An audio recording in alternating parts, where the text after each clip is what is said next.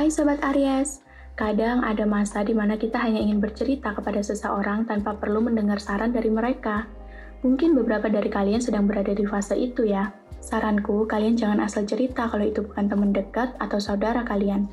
Karena bisa aja nih cerita kalian itu dibocorin ke orang lain. Jadi hati-hati ya.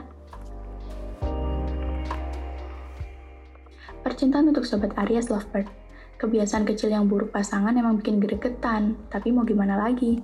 Kalau udah kebiasaan sih, biasanya agak sulit untuk diubah. Sabar ya Aries Lovebird. Percintaan untuk sobat Aries yang masih single. Jangan sering tidur terlalu larut. Ayo ditata lagi jam tidurnya. Yang paling dianjurkan adalah tidur selama 8 jam per hari.